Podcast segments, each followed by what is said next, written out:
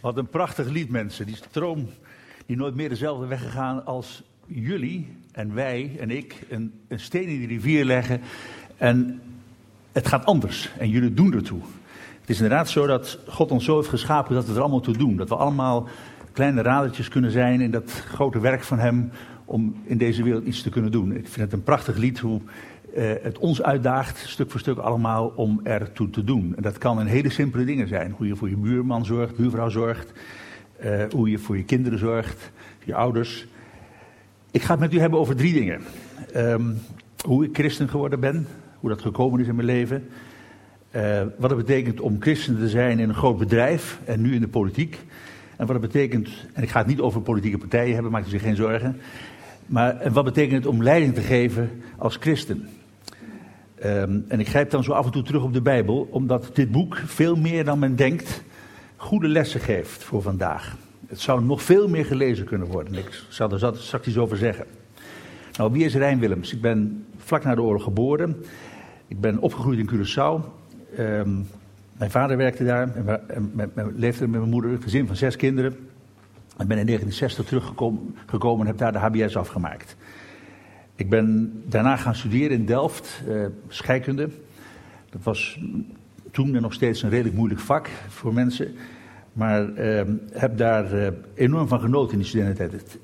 In die studententijd ben ik uh, lid geweest van een studentenvereniging, ehm, CSR. Maar even terug naar die periode voor de studentenvereniging. Ik ben opgegroeid inderdaad in een gezin waarvan de ouders lid waren van de Gereformeerde Kerk. Dan heb je het met de paplepel ingegoten thuis dan krijg je het allemaal binnen. Er werd thuis veel gesproken en gedebatteerd uh, over de rol van de kerk, over de politiek, over de dingen die belang, van belang waren in de samenleving vandaag. En ja, een gezin van zes kinderen, dat wil dan wel eens een keer vonken en spatten.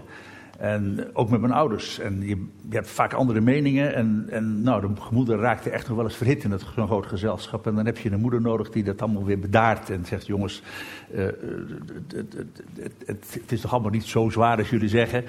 Ja, nou ja, er waren dus echt die discussies thuis waar, we, waar ik van genoten heb. En ik weet mijn broers en zusters ook. En nog steeds, alle zes, en mijn moeder leeft nog, 90. Dan zijn we bij elkaar en dan zie je diezelfde discussies weer opletten. En mijn moeder, die nog redelijk bij, goed bij is, maakt zich nog steeds zorgen over allerlei dingen en deelt dat met ons.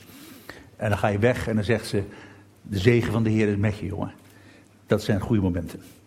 Nou, ik ben dus in Delft gaan studeren, lid geweest van een studentenvereniging CSR. En dat is een, een, nu een organisatie die uh, met allerlei studentenverenigingen uh, aan universiteiten en hogescholen verbonden is in IVS, International Fellowship of Evangelical Students. En ik kom er nog wel even op terug.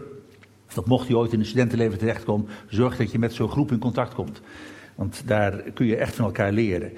Nou, in die studentenvereniging CSR, waar ik lid van was, dat was nou een typisch ouderwetse studentenvereniging waar eh, gereformeerde, hervormde, christelijk gereformeerde, gereformeerde gemeente, nou, iedereen ongeveer zat daar. Maar iedereen had het gevoel dat zijn kerk of haar kerk de ware kerk was. Dat was helaas de discussie die er nogal veel gevoerd werd. Van welke kerk is nou de goede kerk? En, en ik moet heel eerlijk zeggen, daar, daar voelde ik me nou niet geweldig happy mee. En het pas toen ik in mijn tweede jaar, eind van mijn tweede jaar, in een congres in Engeland kwam. We gingen met een aantal studenten uh, naar een congres in Engeland, waar 500 christenen uit de hele wereld bij elkaar kwamen. Uh, daar was geen discussie over wat de ware kerk was, of wat de belangrijkste kerk was voor God. Hoe we het als mensen belangrijk deden. Daar stond God centraal, daar stond Jezus centraal. Hoe, um, wat die betekende in je persoonlijke leven. En, en, in feite zijn dat natuurlijk te veel belangrijke vragen. En daar waren studenten van achtergrond Anglikaans, Presbyteriaans, Methodisten. Uh, uh, u, noemt het over de hele wereld, christenen bij elkaar. Want Gods kerk is uitgewaaid over de wereld in, in hele verschillende vormen. En, en die kwamen eigenlijk maar rond die centrale vraag. Wat, wat betekent het voor je als Christus in je leven is en, en hoe je je dan opstelt in de samenleving? Daar heb ik veel meer van geleerd. En ik, ik heb het gevoel dat de kerken nog steeds lijden onder dat aspect van te veel intern gericht bezig zijn en niet ex extern bezig zijn. Extern in de zin dat je bezig bent met ehm, de vraag: wat betekent het als christen en ook als gemeenschap, dus jullie als gemeenschap, naar buiten op te treden naar de mensen om je heen in de samenleving? Wat zien ze van ons als christenen? Ook in mijn werk bij Shell heb ik mijn geloof niet onder stoelen of banken gestoken.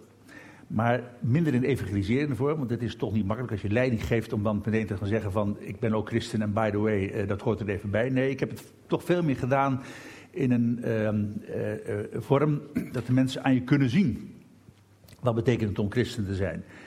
En ik kom daar later nog over terug wanneer ik spreek over leiderschap. Het geloof is, vind ik, niet iets om voor je te schamen. Om je voor te schamen. Al is er in de jaren 80 en 90 wel zo'n tendens geweest in Nederland. Veel christenen kropen in die jaren in hun schulp. Er werd door de buitenwereld ook niet altijd even aardig over ons gesproken. Het leek voor de buitenwereld een afgedane zaak. En nog hoor je in Amsterdam in de grachtengordel mensen zeggen van ja, als je gelooft, nou, dan ben je niet meer van deze tijd.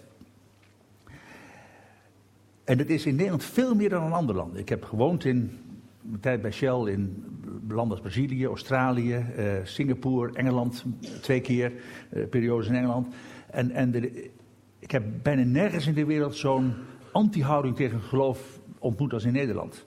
En dat is wel eens verdrietig, maar aan de andere kant is het ook weer een uitdaging om te zeggen: dan hebben we het misschien toch altijd niet op de goede manier gezegd. Dan hebben we het misschien niet op de manier duidelijk gemaakt aan de mensen uh, dat ze zo reageren. Dus het is weer een speciale uitdaging voor ons. Maar er wordt toch weer de laatste jaren, gelukkig alweer veel meer met toch wel wat meer vrijmoedigheid gesproken over het geloof. Je ziet het ook op de televisie terugkomen. Prachtige zender als EO, die nou de grootste omroep is in Nederland. Ongelooflijk. Wie had dat gedacht toen ze uh, begonnen? Uh, uh, 30, ruim 30, 35 jaar geleden. Maar goed, het helpt natuurlijk ook niet als er in de kerk schandalen zijn, zoals nu in onze zusters, bij de broeders en zusters bij de Rooms-Katholieke Kerk. Dat helpt niet.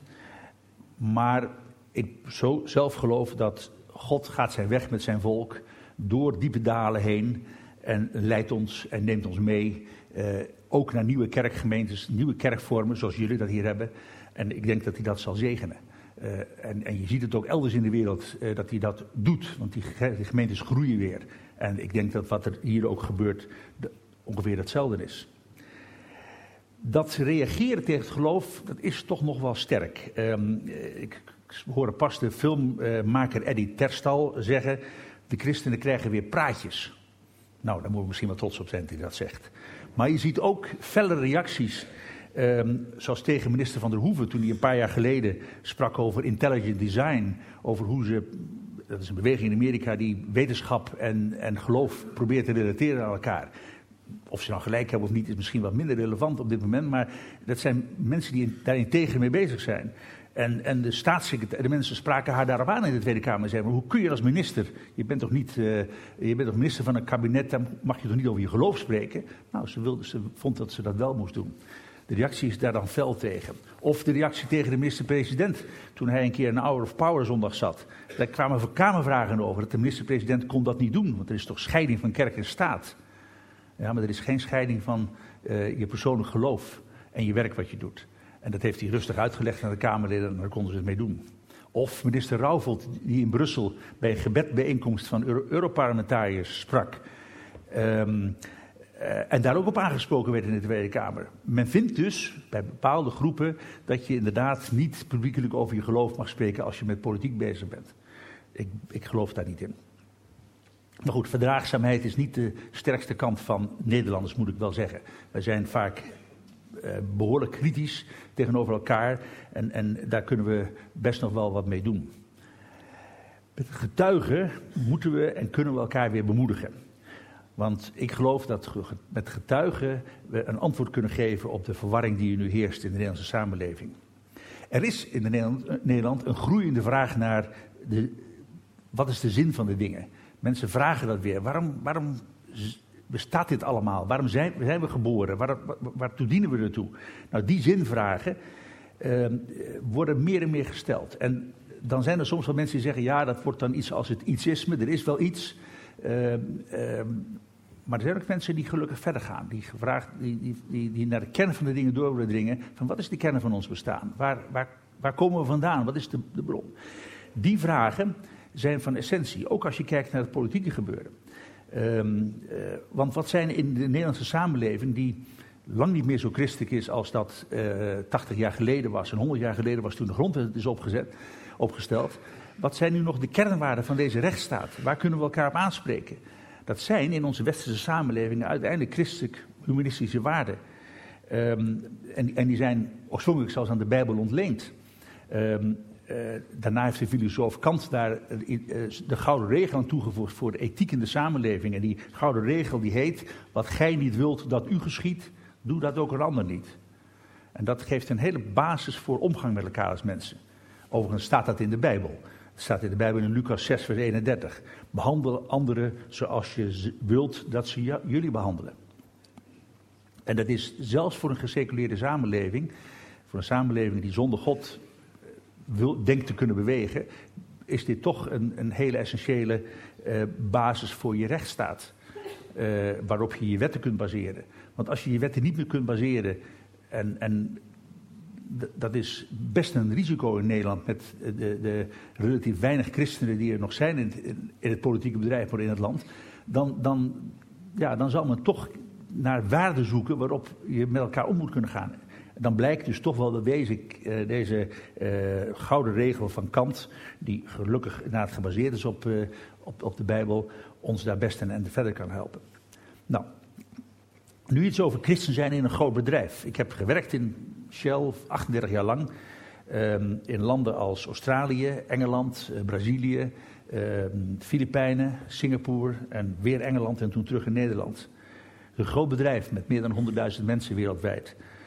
Ik ben daar begonnen als technoloog. Ik zei al, ik was chemicus en, en ben begonnen als technoloog in een fabriek in Australië, in Sydney, waarbij in die fabriek oplosmiddelen gemaakt werden. Simpele oplosmiddelen die in, de, in verf gebruikt worden. U weet wel, als je verf gebruikt, dan ruikt dat een beetje naar koolwaterstoffen. En die spullen worden daar gemaakt, werden daar gemaakt in die fabrieken.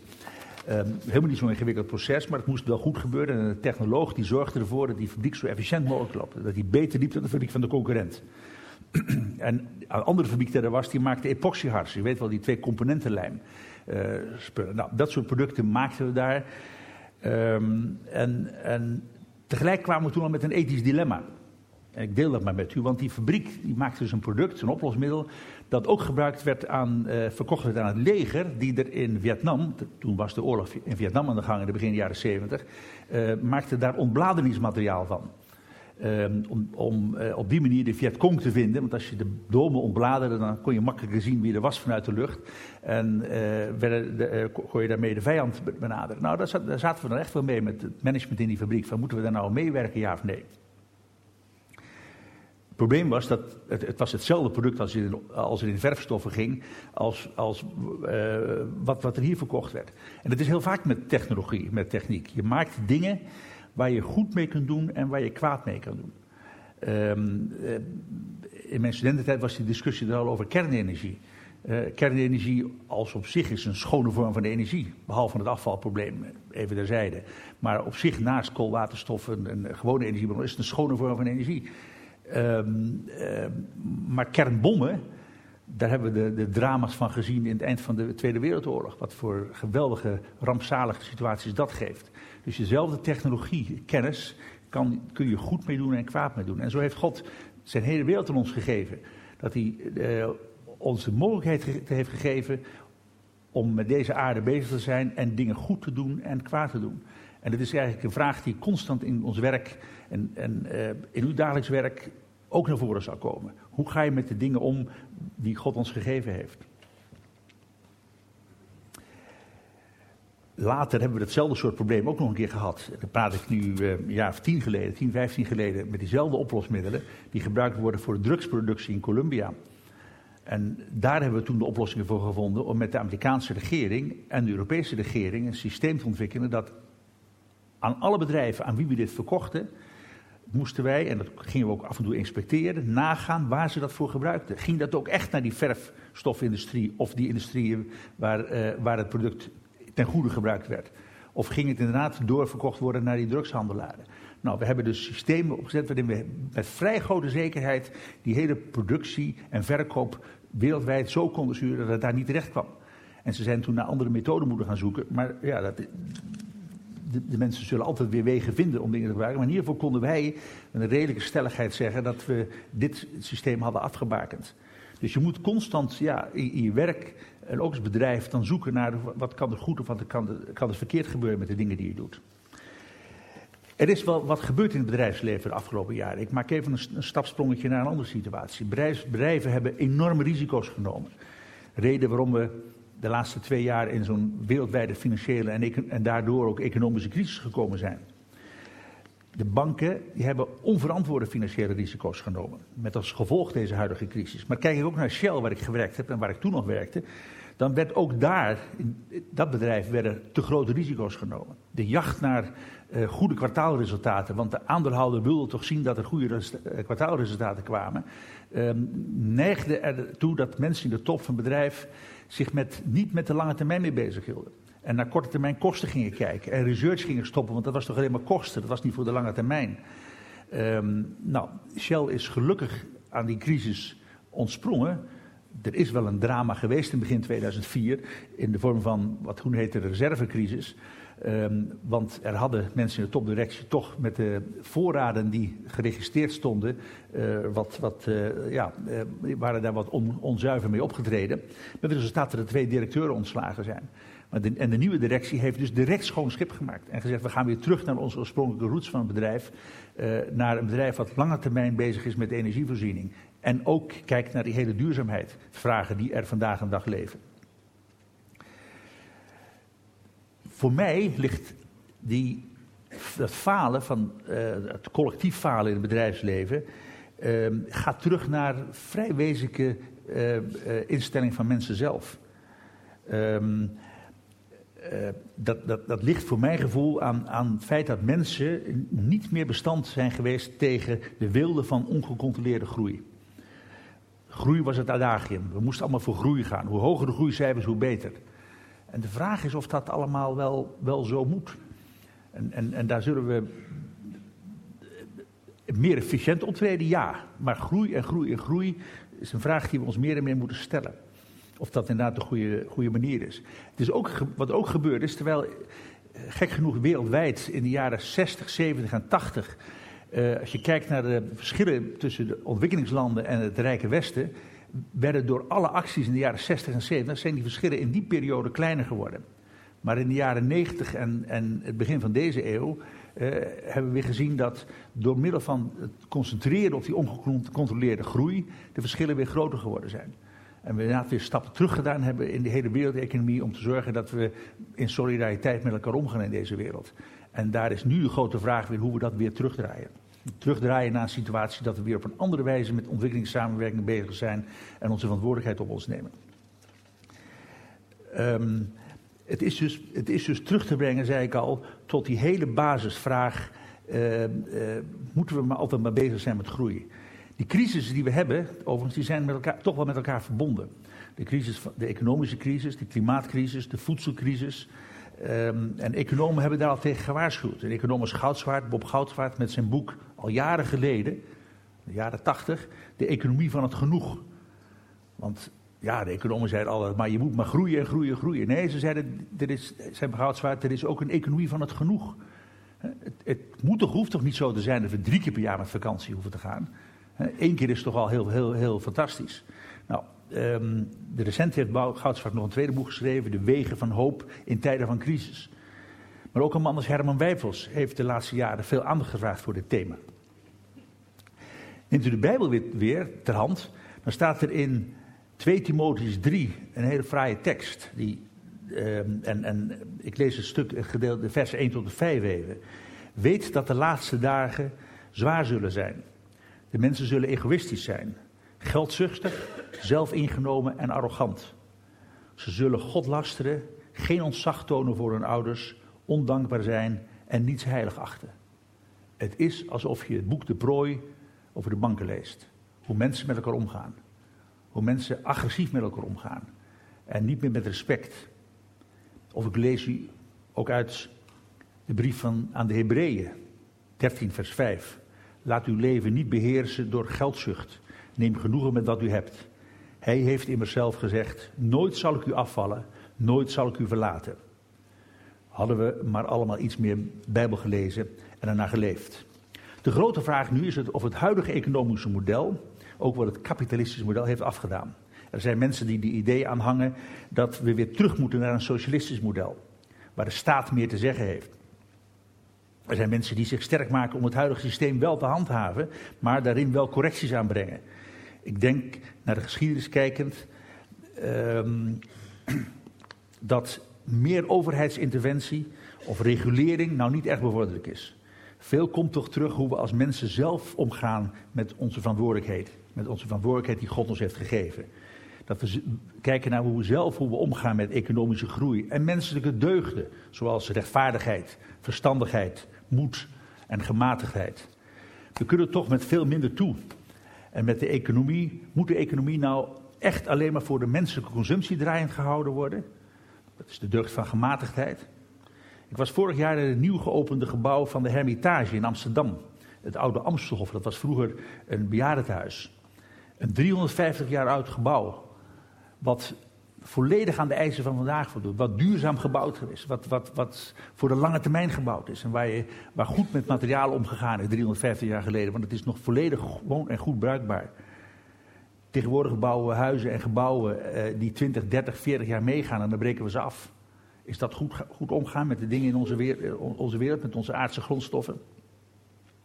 Aan de vier hoofddeugden die ik net noemde, ehm, van de, het zijn deugden uit de Griekse filosofie, dus wijsheid, dapperheid, bedachtzaamheid en rechtvaardigheid, voegt de oude christelijke traditie de deugden geloof, hoop en liefde toe.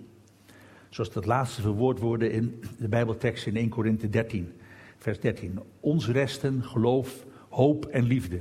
Deze drie, maar de grootste daarvan is de liefde. Dan toch iets, kort iets over de politiek. Niet dat ik politiek op de kant zullen gaan brengen. Uh, daar is mijn devies trouwens. Je hebt de Bijbel en die geeft heel goed aan hoe je als mens op aarde mag en moet handelen. En op basis waarvan je, bepaalt, je, je politieke keuze bepaalt.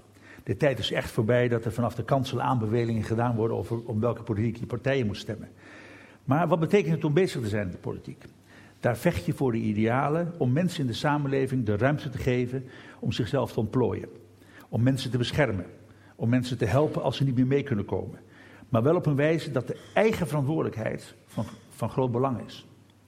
Dat we niet alles door een staat laten doen en mensen afhankelijk maken. Ik heb in uh, veel landen in de wereld gewoond, zei ik al eerder. En er is nergens een systeem waar mensen zich zo afhankelijk voelen van de staat.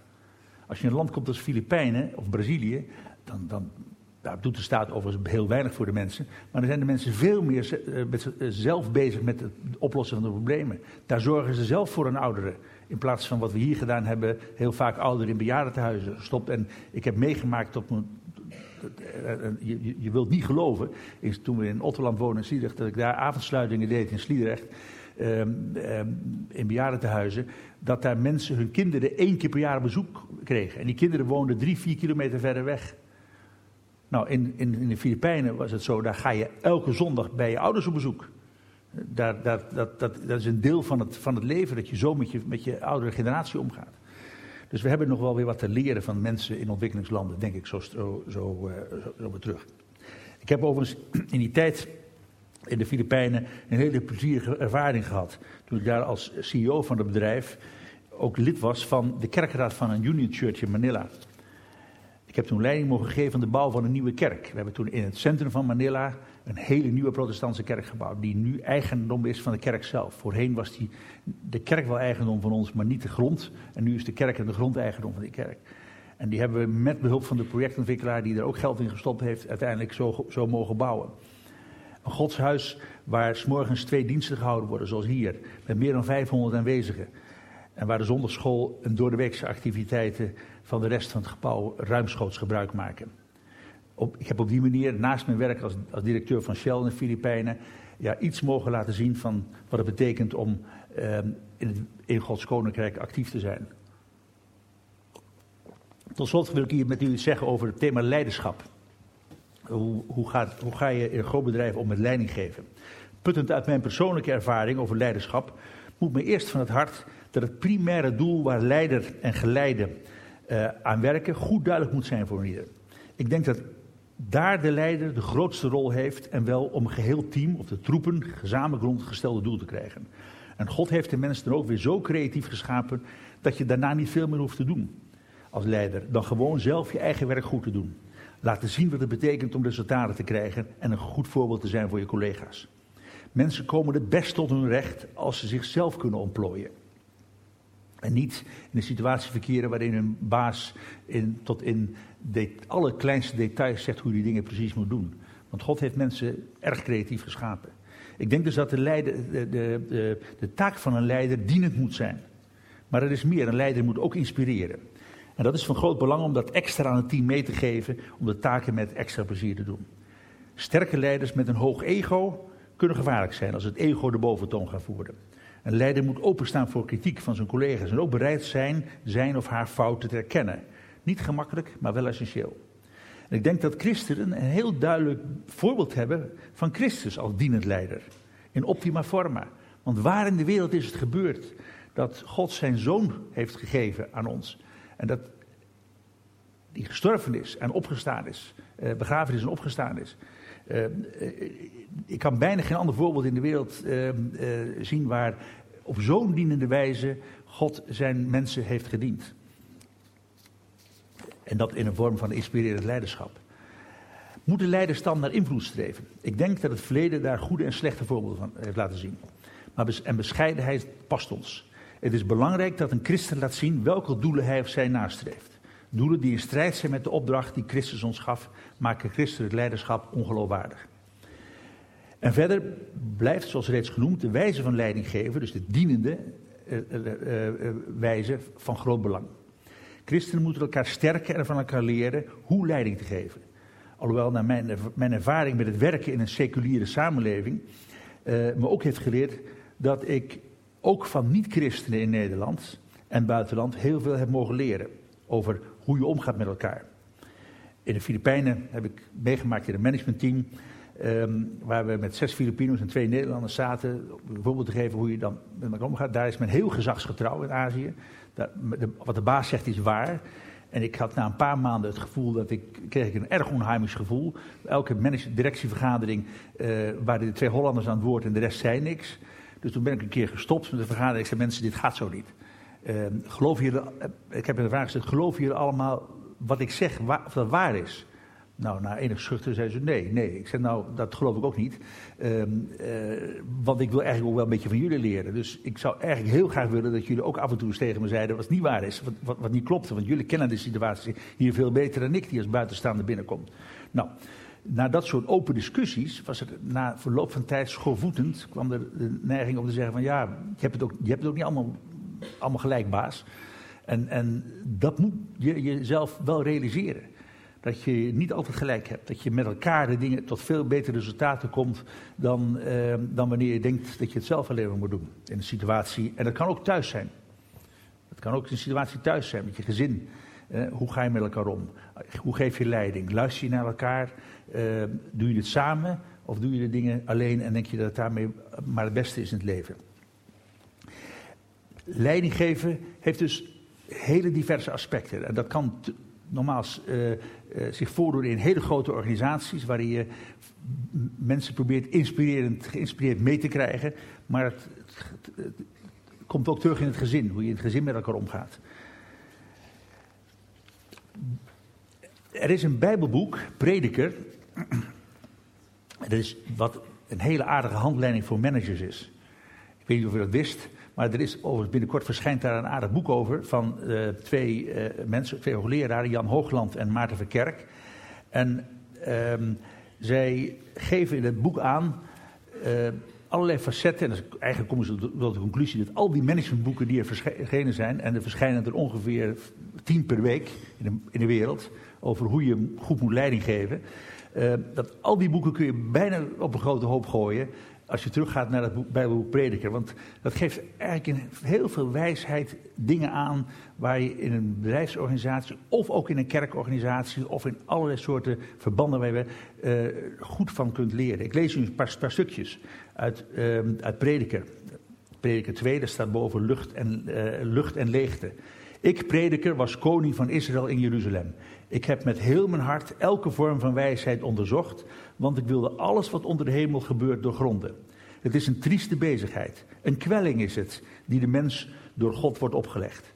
Ik heb alles gezien wat onder de zon ge gebeurt en vastgesteld dat het niet meer is dan lucht en najagen van wind. Wat krom is, kan niet recht worden gemaakt. En wat ontbreekt, kan niet worden meegeteld. Ik zei tegen mezelf: Ik heb meer en groter wijsheid verworven dan iedereen die voor mij in Jeruzalem heeft geregeerd. Ik heb veel wijsheid en kennis opgedaan. Ik heb me er met hart en ziel voor ingespannen te ontdekken wat wijs is en wat dwaas en onverstandig is. Maar ook dat, zo heb ik ingezien, is enkel najagen van wind. Want wie veel wijsheid heeft, heeft veel verdriet. En wie kennis vermeerdert, vermeerdert smart. Waarom lees ik dit? Sommigen zullen dit ervaren hebben dat managers gekomen zijn met steeds nieuwe managementtechnieken om het met elkaar beter te doen. De prediker zegt, het is lucht en leegte. Ofwel, denk eens na wat het op de lange termijn doet. Is al die haast van vandaag zo belangrijk? Om maar overmorgen al resultaten te hebben? Of moeten we echt naar de lange termijn kijken? In Gods koninkrijk gaat het inderdaad om zijn koninkrijk dat komt. En dat komt niet vandaag of morgen. Het kan vandaag of morgen komen, maar we moeten ons realiseren dat het ook een, een, een hele tijd met ons mee zal gaan. Een tweede tekst, ook uit Prediker. Voor alles wat gebeurt is er een uur. Een strijd voor alles wat er, een tijd voor alles wat er is onder de hemel. Er is een tijd om te baren, er is een tijd om te sterven. Een tijd om te planten en een, en een tijd om te rooien. Er is een tijd om te doden en een tijd om te helen en een tijd om af te breken. Een tijd om op te bouwen, er is een tijd om te huilen en een tijd om te lachen. Een tijd om te rouwen en een tijd om te dansen. Er is een tijd om te ontvlammen en een tijd om te verkillen. En een tijd om te omhelzen en een tijd om af te weren. Er is een tijd om lief te hebben en een tijd om te haten. Er is een tijd voor oorlog, er is een tijd voor vrede. Het lijkt hier wel om plannen van tijd te gaan. Hoe gaan we met onze tijd om? Tijd is geld, zeggen we. Is dat zo? Maar we merken dat het niet alleen maar om leuke dingen gaat. De prediker geeft aan dat het leven met vallen en opstaan gebeurt. Wel, dit waren zo wat gedachten over leiding geven. En je kunt er in Gods woord veel uithalen. Hoe je met mensen om moet gaan. Bovenaan stond het woord dienstbaarheid, dienend leiderschap. Dat is voor mij in mijn persoonlijke leven de belangrijkste drijfveer om in allemaal activiteiten waar ik leiding mag geven, om die stijl te hanteren. Wilt u er iets meer over lezen? De huidige directeur van het VU Medisch Centrum is iemand die dat hele concept van dienend leiderschap in zijn werk heeft uh, uitgebreid. Je, ziet de cultuurverandering in zo'n bedrijf uh, uh, gebeuren. Ik ben daar lid van de Raad van Toezicht. En je ziet hoe in dat, die organisatie mensen met dat concept van dienend leiderschap, en dat is zeker in een zorginstelling van belang, dan ook met elkaar omgaan. En hij doet dat vanuit zijn christelijke levensvisie, de Elmer Mulder. Tot slot, ik eindig met u met dat prachtige gezang wat ik u voorlees van Jacqueline van der Waals. Want er zijn veel uitdagingen in ons leven. We weten niet wat de toekomst ons brengt, maar Jacqueline van der Waals heeft ons doen zingen met elkaar wat de toekomst brengen mogen. Mij geleidt des Heeren hand. Moedig sla ik dus de ogen naar het onbekende land. Leer mij volgen zonder vragen. Vader, wat gij doet is goed. Leer mij slechts het heden dragen met een rustig, kalme moed. Dank u wel.